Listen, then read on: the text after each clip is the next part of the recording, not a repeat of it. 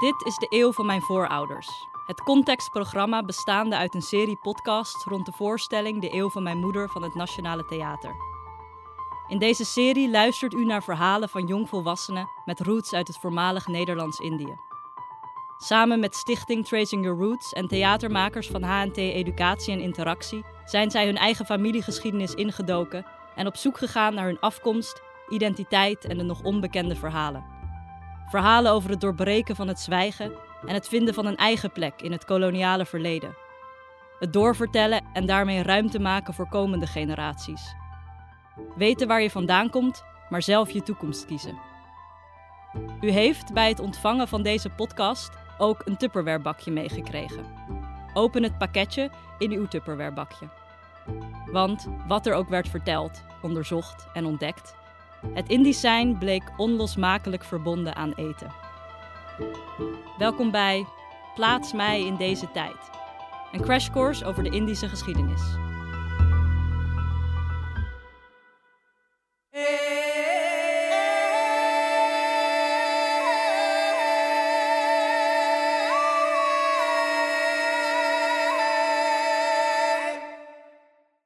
Lieve bezoeker, hier sta je dan. In het hier en nu. En nu is het tijd om meegevoerd te worden. Naar het toen en daar. Laat de zintuigelijke ervaring je meevoeren. We gaan een reis maken. om deze reis te maken, vragen we je om je ogen te sluiten.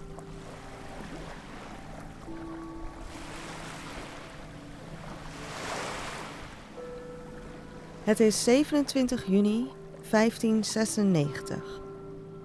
Je voelt dat je evenwicht heel rustig van links naar rechts gaat en je hoort de golven tegen het dek slaan. Voor je zie je het kustprofiel. Geen leeg gebied. Menselijke bewoning en beschaving. Portugese handelaren en Chinese jonken. Ze gooien het anker uit en op dat moment komen er gezanten van de plaatselijke adel. Javaanse adel. Je voelt dat er een bijzonder moment is aangebroken. Je zal onderdeel zijn van de eerste Nederlanders die zelf handel zullen drijven in de oostelijke archipel.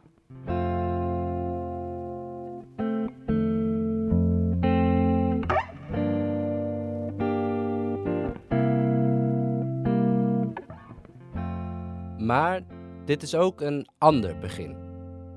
Het begin van drie en een halve eeuw van Nederlandse aanwezigheid in diezelfde archipel hier ver vandaan. Het begin van een verhaal dat nooit zijn einde zou kennen, omdat hij nu onlosmakelijk is verbonden met het hier en nu. Maar voordat we de reis terugmaken, blijven we nog even in het toen en daar.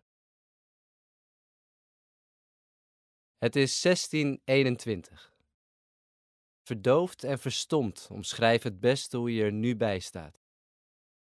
Je ademt diep in en de warme geur van nootmuskaat dringt je neus binnen. Samen met de intense geur van bloed. In de verte hoor je de stem van gouverneur-generaal Jan Pieterszoon Koen. Banda is van ons. De missie is geslaagd. De oorspronkelijke bewoners van Banda zijn gedeporteerd. Sommigen naar een ander eiland, maar de meeste naar een ander leven.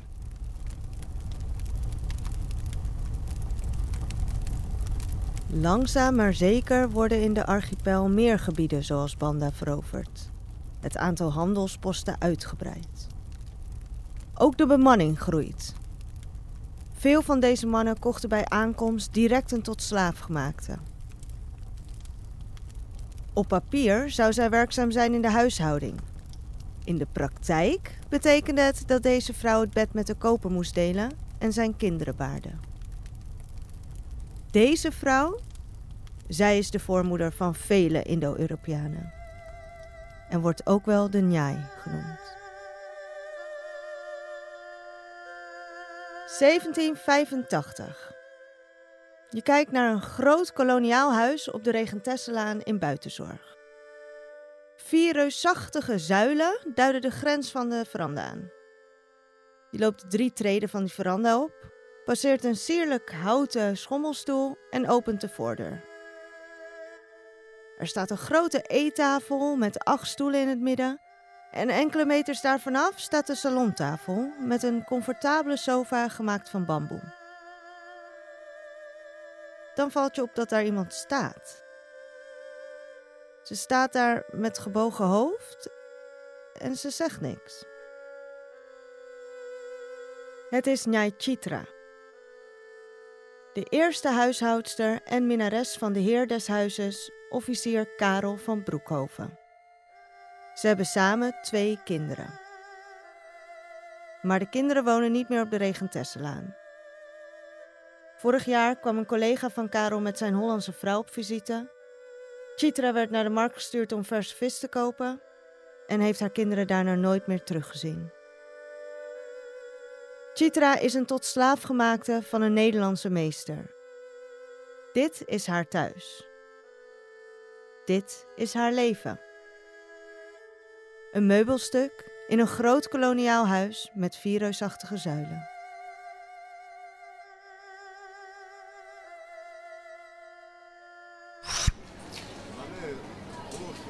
We gaan verder met onze reis naar 14 september 1814. Het KNIL, het Koninklijk Nederlands-Indisch Leger, wordt opgericht. Een leger bestaande uit Europeanen, Javanen, Ambonezen, Menadonezen, Indo-Europeanen, Afrikanen en nog veel meer. Waar je ras je rang kon bepalen. Soldaten die zich aansloten dienden vanaf dat moment voor koning en vaderland. Kami Adela Sedia. Zo ook Hendrik de Bats, een Indo-Europese man uit Pegalongan. Hendrik loopt vol moed, gedrevenheid en net iets te snel over een overvol marktplein. Je ziet hem lopen, blijft stilstaan en kijkt hem na.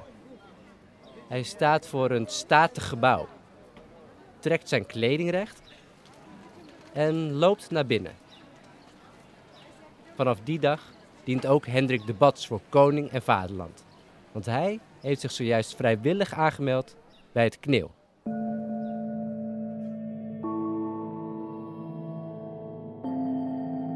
Je bent op weg naar Jambi, Sumatra. Lopende pas! Links, rechts, links, rechts, links, rechts. Om je heen de mannen van het knil. Links, rechts, links, rechts, links, rechts, links, rechts. Jullie lopen door de waterige, beboste, bloedhete jungle. Links, rechts, links, rechts, links, rechts, links, rechts. Je proeft het zout van het zweet dat over je voorhoofd langzaam naar beneden drupt. Links, rechts, links, rechts, links, rechts. En dan plots rechts, links, rechts. worden jullie belaagd door Jambi guerrilla-strijders.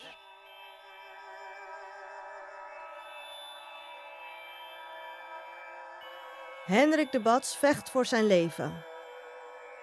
Hij schiet met zijn karabijn op een van de strijders, die dood neervalt. Een Sumatraan rent in volle vaart op hem af met een kris. Hendriks geweer hapert. Hij pakt zijn kleewang en terwijl hij wegkijkt en zijn oog sluit, spiest hij de Sumatraan en valt de kris op de grond.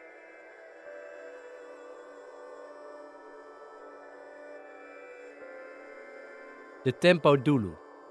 Ook wel de tijd van vroeger, of de oude dag genoemd, is een welbekend begrip voor velen binnen de Indische gemeenschap. Maar waar het voor de een een mooie nostalgische tijd is, is het voor de ander een tijd met blijvende koloniale onderdrukking.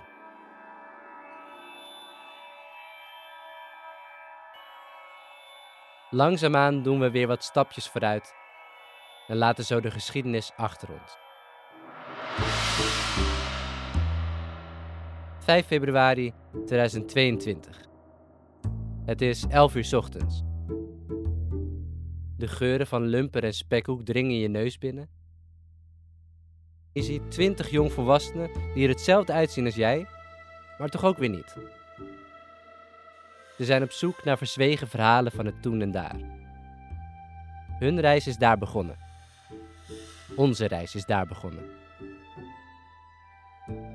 En jouw reis, die begint hopelijk hier. We zijn namelijk weer terug in het hier en nu. Als je nog niet je ogen had geopend, mag je ze nu openen en om je heen kijken. Als je goed kijkt, zie je ze.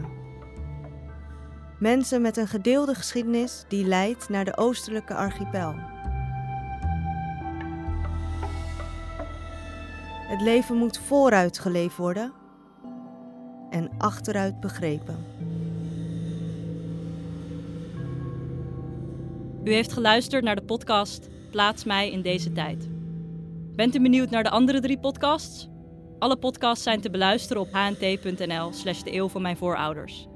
Hartelijk dank voor het luisteren en veel plezier bij de voorstelling.